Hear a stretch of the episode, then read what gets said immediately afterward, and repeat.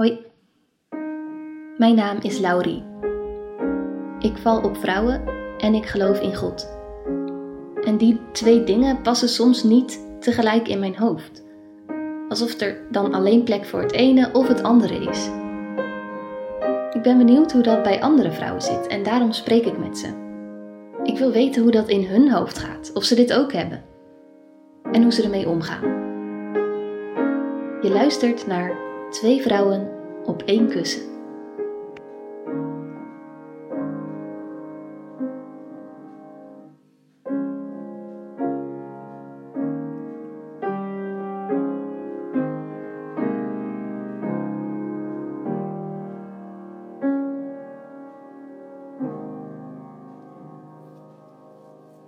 Vandaag ben ik bij Mirjam. Ik stel haar even voor. Mirjam is docent op een middelbare school en op een basisschool. Ze luistert en maakt graag muziek. Dat luisteren doet ze dan op haar platenspeler en de platen daarvoor zoekt ze op in de kringloopwinkel. Muziek maken doet ze op haar gitaar. Ze is 38 jaar en ze heeft een relatie met Anna-Marie. Mirjam valt op vrouwen en ze geloofde vroeger in God. Omdat ze haar keuken aan het verbouwen is, zitten we voor dit gesprek op haar knusse slaapkamer.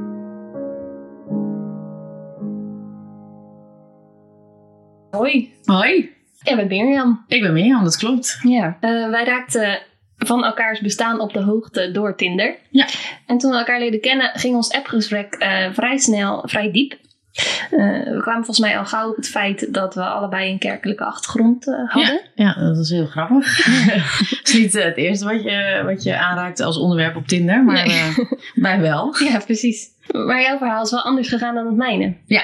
Kun je daar iets over vertellen? Ja, tuurlijk. Ehm, ik ben opgegroeid in de Pinkstergemeente. Eigenlijk vanaf geboorte af aan eh, kwamen wij daar.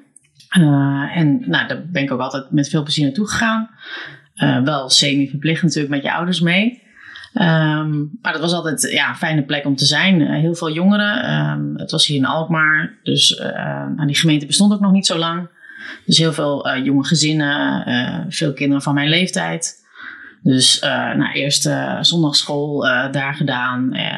Ja, altijd eigenlijk met, de, met dezelfde kinderen natuurlijk meegegroeid. En ja, toen kwamen de jeugdgroepen. Dus vanaf 12, als je dus naar de middelbare school ging, dan was er op vrijdagavond altijd club. Nou, vond ik natuurlijk, dat voelde voor ons al, altijd een beetje als een soort uitgaan of zo. Weet je, die ging ergens anders heen waar je ouders niet waren, met allemaal andere jongeren. Ehm, dus dat deed ik ook met veel plezier. Alleen ja, gaandeweg kwam ik er wel achter eh, dat het voor mij iets anders was eh, eh, dan voor de reguliere christenen. Omdat ik merkte dat ik ja, op vrouwen val. En ik donders goed wist wat daarover in de Bijbel geschreven stond. En ik dat heel erg lastig vond om dat ja, ja, voor mezelf recht te breien. Of ja, nou ja, goed, ik had het idee dat ik dat recht wilde breien. Ondanks dat er natuurlijk niks krom was of zo. Maar tenminste, dat vind ik zelf. Ja, dat was wel even een worsteling, zo rond mijn 15e, 16e jaar. Ja. Ik wil even terug naar, naar eigenlijk eh, ook je geloof op dat moment. Hoe, Ja. hoe, hoe was jouw geloof toen? Ehm, ik was heel erg zoekende. Ehm, ik kende veel mensen die, die echt een aanraking hadden gehad of het echt heel erg intens eh, beleefden. En ik, ik, ik voelde dat niet zo. Ik was ook soms wel eens jaloers op mensen die dan, eh, als ze ouder waren, eh, in aanraking kwamen met God. Omdat zij hadden dan echt een keuze daarin gehad. En ik was natuurlijk gewoon zo opgegroeid. En voor mij was het altijd normaal geweest. Dus ja, ik zag niet meer hoe bijzonder het misschien was. Of eh, eh, wat er misschien ondertussen wel gebeurde, waarvan ik dacht dat het gewoon normaal was, maar dat het misschien ook iets met aanraking van God te maken zou kunnen hebben. Dus ja, ik was daarin heel erg zoekende van nou, eh, wie is God? Ik merk er niks van. Ehm, ja, ik was natuurlijk ook puber. en dan wil je natuurlijk dat alles heel tastbaar is of dat je alles duidelijk kunt zien. En ja, ik kreeg dat bewijs gewoon niet zo. Dus ik was sowieso op dat moment wel ook al erg sceptisch. Uh, en toen kwam dit er natuurlijk nog bij, waardoor ik dacht, ja, maar uh, als God mij toch gemaakt heeft, waar komt dit dan vandaan? En uh, ja, ik, ik, wilde het ook niet. Ik was er helemaal niet blij mee. Om lesbisch te zijn? Ja, ja want het, ik, ik wist dat het mijn leven niet makkelijker zou maken. En voor mezelf, hey, natuurlijk, iedereen zoekt dan uh, stiekem met een nachtlampje s'nachts die stukjes op. Waarin staat ja, dat het niet de bedoeling is, dat God het niet zo bedoeld heeft. In de Bijbel? Ja, in het Oude Testament. Um, ja, en dan dan denk je ook bij jezelf, hoe ga ik dit rijmen? Hoe, en ik had voor mezelf toen een beetje besloten van nou, um, als dit is wat God wil en ik doe dat dus niet, dan kies ik dus eigenlijk niet voor God. En uh, ja, die weg ben ik eigenlijk op een gegeven moment verder gaan bewandelen. Dus dat was een soort keuze in je hoofd van het is of God ja. of lesbisch zijn. Ja. ja. En kun je naar een moment waarin je met die keuze worstelde? Van, of heb je getwijfeld überhaupt aan welke weg je dan zou nemen? Nou, ik, ik weet dat ik gewoon heel veel liefde te geven heb. En ik zou het verschrikkelijk moeilijk vinden uh, op het moment dat ik die liefde naar een persoon niet zou kunnen uiten. Omdat ik die liefde van God niet zodanig als zo groot ervaar. Dus ik heb gewoon gekozen voor waar ik de meeste liefde zelf maar, zeg maar zelf bij voelde. En dat was dus uh, nou ja, voor iemand anders. Uh, echt in, in, in het zijn van een persoon. Ja, een tastbaar ja, iets. Ja, ja, maar echt een moment. Uh, nou, wij gingen bijvoorbeeld ieder jaar met die, met die tienergroep ook altijd naar opwekking. En ik weet wel dat er toen echt wel tijdens diensten, dat ik dan wel naar de nazorg ging. En dat ik daar dan wel echt, echt mee zat. Maar omdat het ook een onderwerp was waar, waar soms die, die uh, jeugdwerkers niet, niet veel aanraking mee hadden gehad, wisten ze ook niet zo goed wat ze daarmee moesten. Dus ik merkte ook dat ik daar niet echt aan mijn trekken kwam wat betreft hulpverlening of iets. Nee. Heb je een voorbeeld van iets wat er toen tegen je gezegd is? Nee, dat staat me nu niet meer zo, uh, zo bij. Nee. Maar ik merkte wel dat ik, dat, ik, dat ik het daar niet vond. Ik was natuurlijk op zoek naar antwoorden. En natuurlijk heeft eigenlijk niemand die voor mij, behalve ikzelf. Maar ik wilde het zo graag van iemand anders horen. Van, oh ja, dan heb ik hier een uitgestippelde route die je dan kunt wandelen. En dan eh, is het allemaal opgelost. Maar ja, dat heeft natuurlijk niemand voor je. Dus ja, dat, dat, uh, dat was denk ik ook nog een deel van de worsteling. Dat ik gewoon bij mezelf die antwoorden moest zoeken. Ja. En wat heb je toen met de wetenschap gedaan dat je lesbisch wilde zijn? Ja, ja, lesbisch wilde zijn. ik vind het wel grappig hoe je het zegt. ik wil daar gelijk iets over zeggen. Um, ik, ik heb niet het idee dat het een keuze is. Ik, ja, ik, ik, ik heb er natuurlijk wel dingen over gelezen van hoe dat zit met, met, met, met genetisch en uh, is het nou nature of nurture. Vind ik nog steeds een lastig onder, onderdeel. Ook omdat ik bijvoorbeeld een tweeling ken uh, die echt een-eiig zijn, waarvan de een homo is en de ander niet.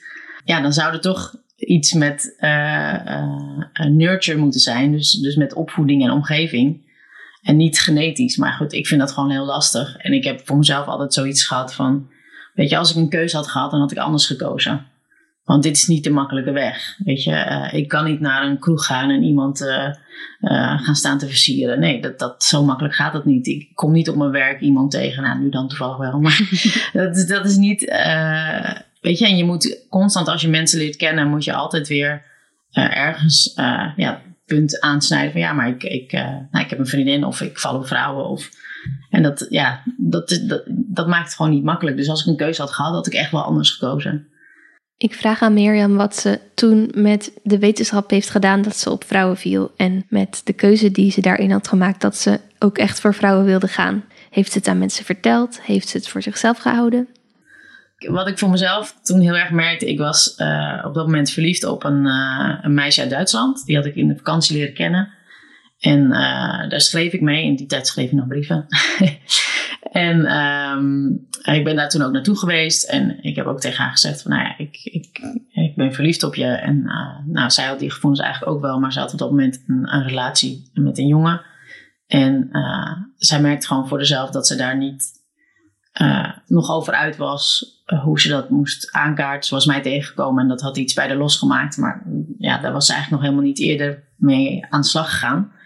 Dus zij zat nog even iets verder terug in dat proces uh, waar ik al, al verder mee was. En, um, maar dat, wat, ze, wat ze toen dus allemaal zei, dat heeft ze geschreven in een brief. Dus toen ik bij haar was geweest en toen daarna heb ik eigenlijk helemaal niks van haar gehoord nou, ik was daar best wel van, van slag. Toen op een gegeven moment kwam er inderdaad een brief van haar. Van, nou ja, ik, weet je, dit is mijn laatste brief. Ik kan dit contact niet houden, omdat ik het zelf gewoon ontzettend moeilijk vind. En ik zelf ermee in de knoop zit. Maar weet dat ik altijd van je hou en altijd zal blijven doen. Maar ja, ik kan het gewoon niet. Ja, daar was ik toen zo stuk van. Um, dat mijn ouders het bijvoorbeeld ook wel merkten. En het was ook vlak, het was volgens mij in mijn examenjaar, en het is alweer honderd jaar geleden hoor. Uh, was in mijn examenjaar, dus weet je, het was ook druk en chaotisch. En uh, nou, ik moest me concentreren op, op afstuderen, maar dat, dat lukte op die manier niet helemaal. Dus toen heb ik het ook aan mijn ouders verteld. Nou, mijn moeder die snapte er helemaal niks van. Uh, Hoe oud was je toen? Even tussendoor. 17. Ja. En mijn moeder snapte er vrij weinig van. mijn vader die mijn moeder is altijd thuis geweest om voor ons te zorgen. Dus die heeft ook niet, niet echt gewerkt daarnaast. En mijn vader wel. Dus mijn vader stond wat dat betreft meer met twee benen een beetje in de, in de wereld. En mijn moeder leefde vooral erg in het kerkelijke wereldje. En dat merkte ik toen ook wel heel duidelijk. Mijn moeder had, had daar gewoon nog nooit iets van meegekregen. Nooit iets mee aan de hand gehad. Kijk, mijn vader had bijvoorbeeld een, een baas die was lesbisch. Uh, nou, wat andere collega's of iets anders. Weet je wel. En mijn moeder die ja, die, die, die, die kenden het helemaal niet. Dus uh, die had zoiets van, nou, dat is een fase, weet je, dat gaat wel voorbij. En ik weet nog zo goed dat ze ook zei van, uh, ja, ik moest op jouw leeftijd ook niets van jongens weten. ik weet nog zo goed wat ik toen terug zei. Was op dat misschien, misschien niet heel tactisch, maar nou, ik kon niet anders. Ik was ook puber. Dus ik zei tegen moeder, nee man, maar fantaseerde jij dan ook over borsten? Nee, nou, ik dus wel. Dus ja, dat, dat, dat, dat was niet altijd even leuk, omdat ja, ik probeerde het in, in mijn woorden aan mijn moeder duidelijk te maken wat dat was. Maar ja, we konden elkaar daar niet, uh, niet in vinden. Dus dat heeft echt wel een paar jaar geduurd. Um, en bij mijn vader, mijn vader had vooral zoiets van, nou, weet je, ik zie um, hoe moeilijk het soms is voor iemand die, die gevoelens heeft. Om in deze wereld, nou ja, hè, ook te mogen zijn. Dus ik hoop vooral dat je geen problemen tegenkomt. Dat, hè, dat mensen je even goed nog gewoon op waarde schatten uh, en, en dit niet meenemen in een oordeel over jou. Dus dat, dat was vooral voor mijn vader heel belangrijk. Dat, dat ik gewoon even goed gewoon een normaal leven zou kunnen leiden. Ja, mijn moeder was daar nog lang niet. Nee. Hebben ze ook iets, iets over God gezegd daarin? Mijn moeder ging heel hard van bidden. Ja? ja, die, ik, ik denk dat die wel heel veel. Uh, maar ook gewoon voor dezelf. Uh, dat ze het probleem ook, ook wel bij God neer heeft gelegd. Van ja, hoe moet ik dit aanfietsen? Hoe moet ik dit zelf een plekje geven. Want het was niet alleen mijn coming out, maar ook eigenlijk die van mijn moeder. Weet je, mijn moeder moest dat ook uh, gewoon heel erg verwerken. Maar had ik op dat moment niet door. Ik wilde gewoon een moeder die zei van, oh ja, prima, wat leuk. Uh, maar later uh, heb ik me dat wel beseft, dat, ze, dat het voor haar ook echt niet makkelijk moet zijn geweest. Vanwege de cultuur waar ze zich in ja. bevond. Ja, en de tweestrijd ook wel. Van ja, hoe, hoe Um, hoe kan het dat mijn, mijn dochter deze gevoelens heeft, terwijl, terwijl God dat niet zo bedoeld heeft? Echt dezelfde vragen die je jezelf ja, stelde. Ja, klopt. Ja. Ja. ja. Maar ja, dat, ik besefte me dat niet, dat zij met diezelfde vragen eigenlijk liep. Dus ik, ik kon met haar daar ook niet over praten. Dat, uh, nee.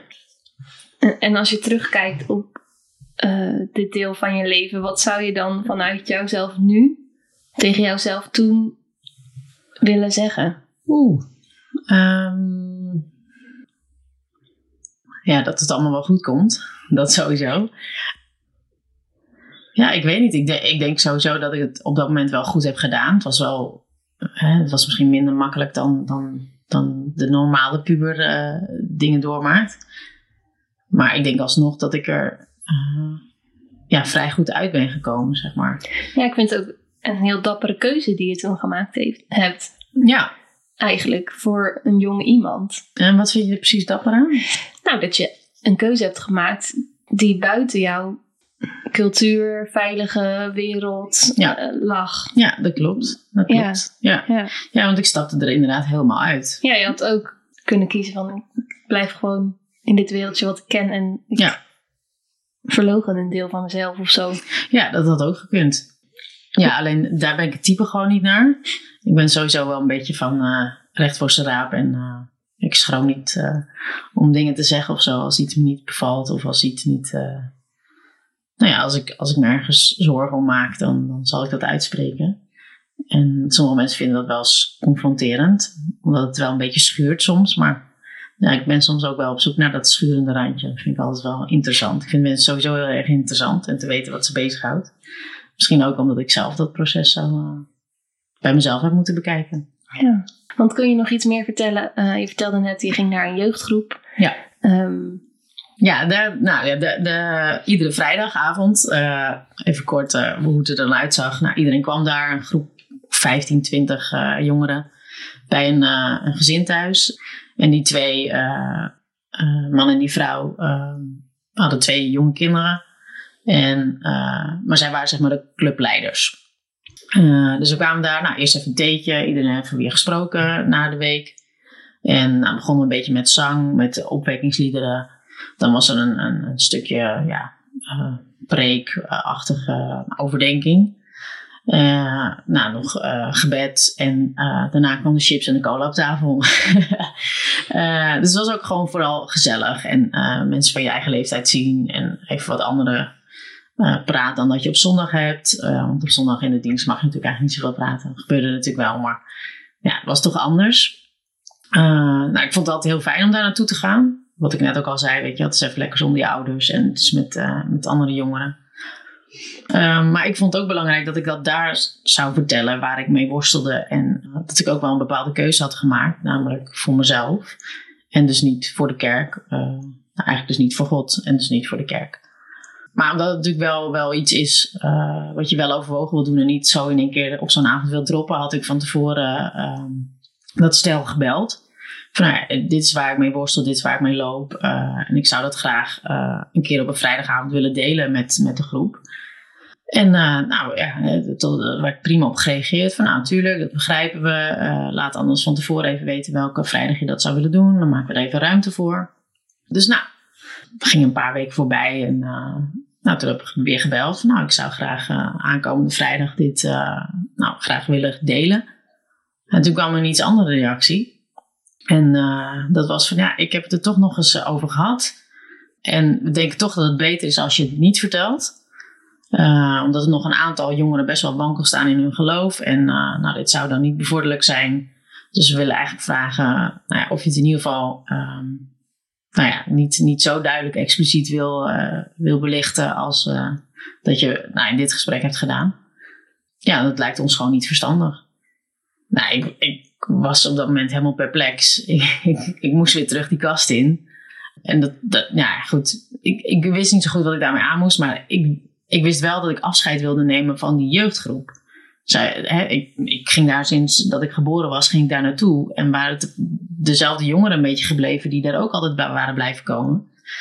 Dus ja, ik het was voor mij wel belangrijk dat ik dat op de een of andere manier toch een soort afscheid zou kunnen geven.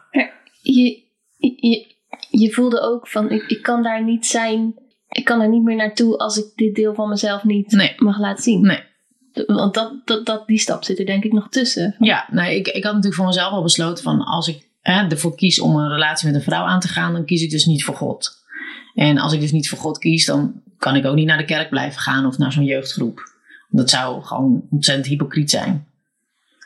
Dus daarom had ik voor mezelf besloten dat ik daarvan afstand wilde nemen. En dus ook afscheid wilde nemen. Maar ik mocht dus eventueel wel komen en wel zeggen dat ik ergens mee worstelde, maar niet precies wat.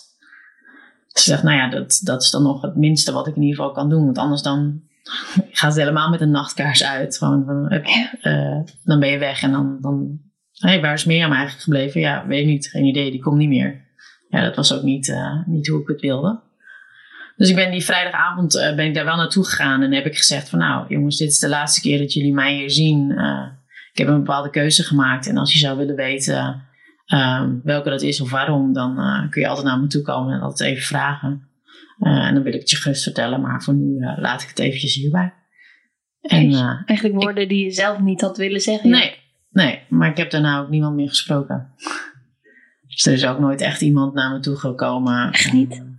Nee, in ieder geval zo voelde het niet voor mij. Misschien is er wel over gesproken, maar niet, niet naar mij toe. Er was wel één iemand die, uh, die het al wist, die, daar had ik het al eerder mee over gehad. En uh, daar heb ik ook wel heel veel steun aan gehad. En die, daar heb ik nu nou, niet nog contact mee, maar uh, nou, gewoon op de online dingen, weet je wel, Instagram en zo hm. volgen elkaar gewoon nog.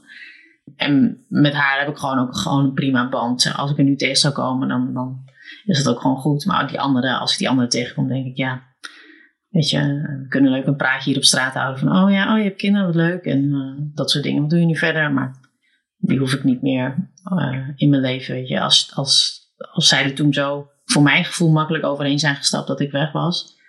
Ja, dan, dan kan ik er ook op die manier niet meer uh, instappen en daar weer in gaan investeren of zo. Nee. Dat, Nee. dat snap ik, want dat waren denk ik ook vrienden van je, als Ja. je ze elke week ziet. Ja, ja, klopt. Tenminste, zo zag ik het wel. Ja, En, en, op dat moment kreeg ik dus ook wel een klap, beetje klap in mijn gezicht dat het dus blijkbaar misschien gelegenheidsvrienden waren. Omdat we in dezelfde kerk kwamen en we daar altijd waren en dan zoek je elkaar toch op. en maar dan- hoe was het voor je om, om dan alleen soort van verder te gaan?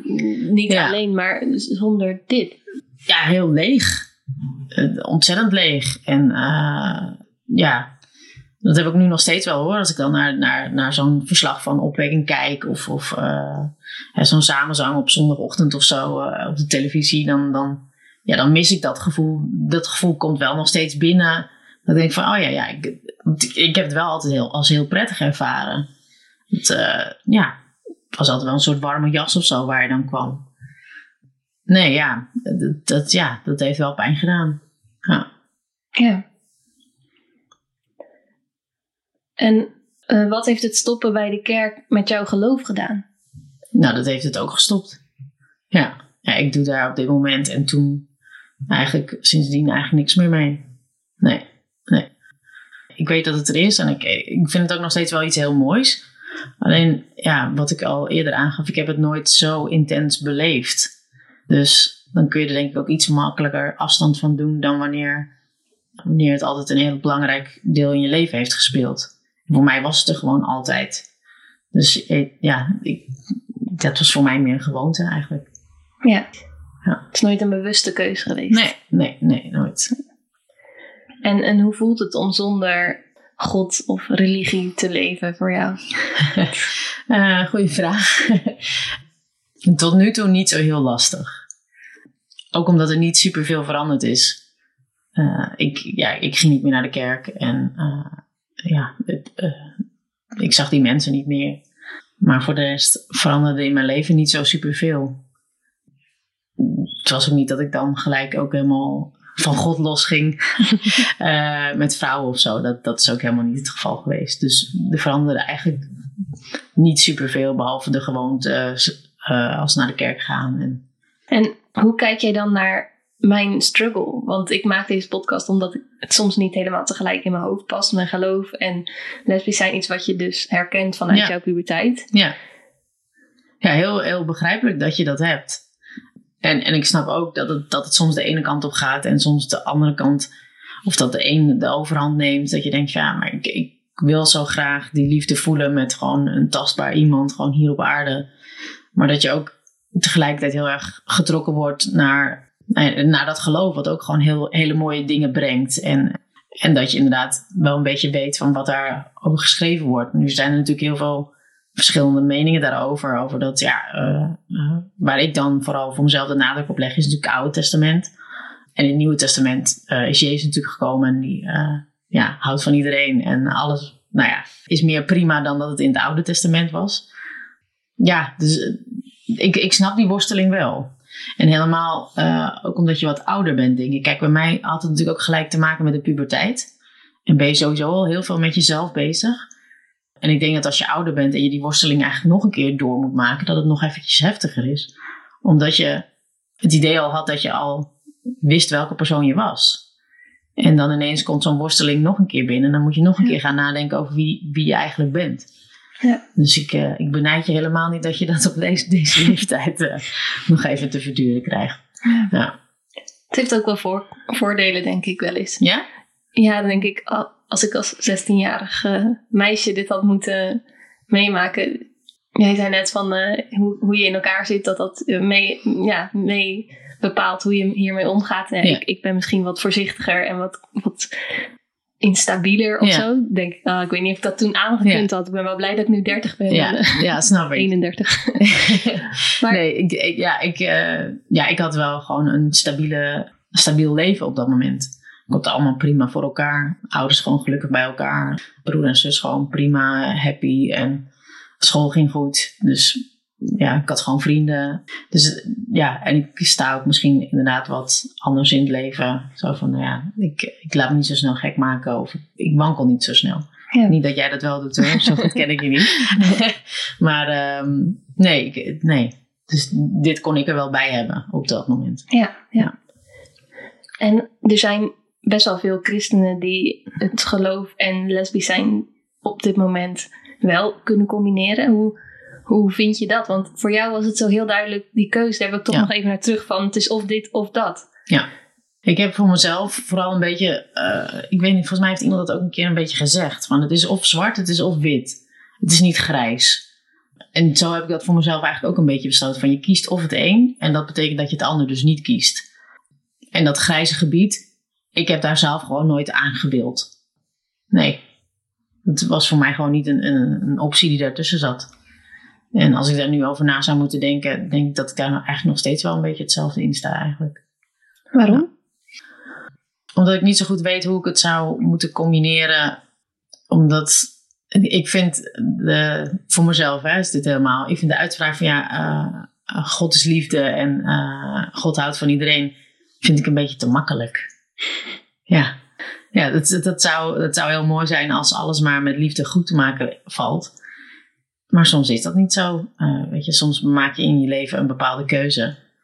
En dat betekent dat je dan iets anders uitsluit. Ja, en ik heb die keuze toen heel wel overwogen gemaakt. En ik zou diezelfde keuze nu weer maken. Ja. En eh, wat een ander eh, wil en dat een ander er- zich daar heel goed bij voelt door even goed nu gewoon naar de kerk te gaan, dat, dat, dat is helemaal aan die persoon. Daar, daar, daar, ja, dit is mijn, mijn weg, mijn manier geweest om ermee om te gaan. En ik vind het heel mooi als iemand anders daar eh, zijn eigen weg ook in heeft bewandeld en, en andere keuzes in heeft gemaakt. Ja. Daar eh, veroordeel ik niemand in, maar dit was mijn eh, keuze en weg. Dus, ja. Ja. En jouw ouders, gaan die nu nog naar de kerk? Mijn ouders gaan nog steeds naar de kerk, alleen niet meer naar de Pinkstergemeente. Ze gaan nu naar de Baptistengemeente. En hoe is het voor hen nu dat jij op vrouw valt en een vriendin hebt? Ja, eh, nu is dat helemaal prima. Eh, dat hele stuk eh, dat ik dus op die jeugdclub niet mocht vertellen ehm, wie ik was, heeft gelukkig voor mij ook een, een positief ding gebracht. Omdat ik dat thuis natuurlijk ook vertelde, van dat, dat, dat het niet gewenst was dat ik dat daar zou delen. Nou, daar is mijn moeder toen eigenlijk best wel boos of verdrietig om geworden, wat ik, wat ik niet wist. En eh, zij is toen naar die persoon toegegaan en heeft dat dus ook aangekaart van ja, weet je, weet je eigenlijk wel wat je nu met Mirjam hebt gedaan? En daar was ik eigenlijk zo trots op, want dat was voor mij voor het eerst dat ik merkte aan mijn moeder dat ondanks dat ze het super moeilijk vond, ze nog steeds zielsveel van mij hield en houdt trouwens. Ehm, en gewoon voor mij opkomt. Ja, dat, dat was voor mij even heel belangrijk om, om te merken en te zien. Ja, wacht, het is gewoon nog steeds mijn moeder en zij heeft ook haar eigen worstelingen. Maar ze zal nog steeds voor me door het vuur gaan, ook al is het om iets wat ze niet snapt. Ehm, ze zal het sowieso doen. Ja, en dat, dat is gewoon eh, moederliefde. Ja. Ja. Dus dat was voor mij heel fijn om te ervaren. En het heeft voor haar toen gewoon een paar jaar geduurd eh, voordat zij het zelf een beetje kon rijmen. En nu is dat verder gewoon helemaal prima. Ja. Eh, ja, want ik kom gewoon thuis met mijn vriendin. En, Fijn. ja, ja. Dat van die moederliefde wat je zegt, dat is voor mij een van de argumenten, kom ik met dat stomme woord, maar eh, waarvan ik denk, Ik maak hier mijn zin niet helemaal af. Maar wat ik bedoel te zeggen is dat ik vaderliefde of moederliefde altijd een argument vind voor het aangaan van een relatie met een vrouw als vrouw of met een man als man. Als je het bekijkt vanuit het christelijke perspectief dat God een vader is of een ouderfiguur. Daarbij wil ik zeggen dat het natuurlijk ook heel veel voorkomt dat ouders juist niet liefdevol reageren als hun kind vertelt dat hij homoseksuele gevoelens heeft. En dat vind ik heel erg. En dat gebeurt heel veel. En dat wil ik gezegd hebben. eh, God wordt in de Bijbel vaak genoemd als vader, als ouder. Ja. En ik vind het altijd mooi om te zien hoe ouders van LHBT-mensen inderdaad een soort innerlijke, nou, haast woede of strij- eh, passie eh, krijgen van, van willen vechten voor hun kind. En ik Ja. denk dat als God inderdaad onze vader is, dat hij dan dus ook op die manier, wat jij net ook zei, misschien ook al begrijpt iemand het niet helemaal toch heel hard wil vechten. Dat geeft mij wel een soort van goed gevoel. ja. ja. Nou, dat gaat met mij ook. ja, dat kan ik me Ja.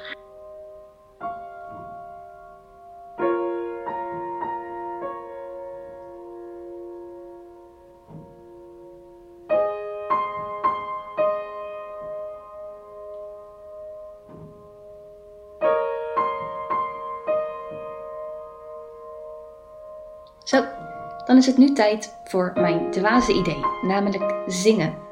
Aan het einde van ieder gesprek zing ik graag met degene die ik net gesproken heb een lied. Dat heb ik zo bedacht. Waarom ik nou bedacht heb om samen te zingen? Nou, omdat je in een lied soms meer kunt voelen en overbrengen dan dat je kunt doen door te praten. En een lied heeft de kracht om mensen heel persoonlijk te raken, maar ook om mensen tegelijk uh, samen te verbinden. En samen zingen is super ongemakkelijk en eng.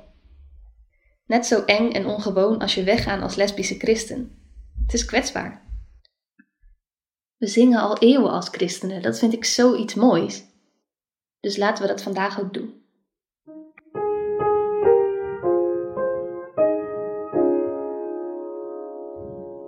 Welk lied heb jij gekozen? Uh, ik, uh, ik heb toch een lied van opwekking gekozen. Uh, lied 488, De kracht van uw liefde. Oké, okay, van de opwekkingsbundel. Yes. Oké. Okay. Ja, daar ben ik mee opgegroeid, hè. Wie gaat hem inzetten? Goeie vraag. Heer, ik kom tot u, neem mijn hart, verander mij. Als ik u ontmoet, vind ik rust bij u. Want Heer, ik heb ontdekt dat als ik aan uw voeten ben, trots en twijfel wijken voor de kracht van uw liefde.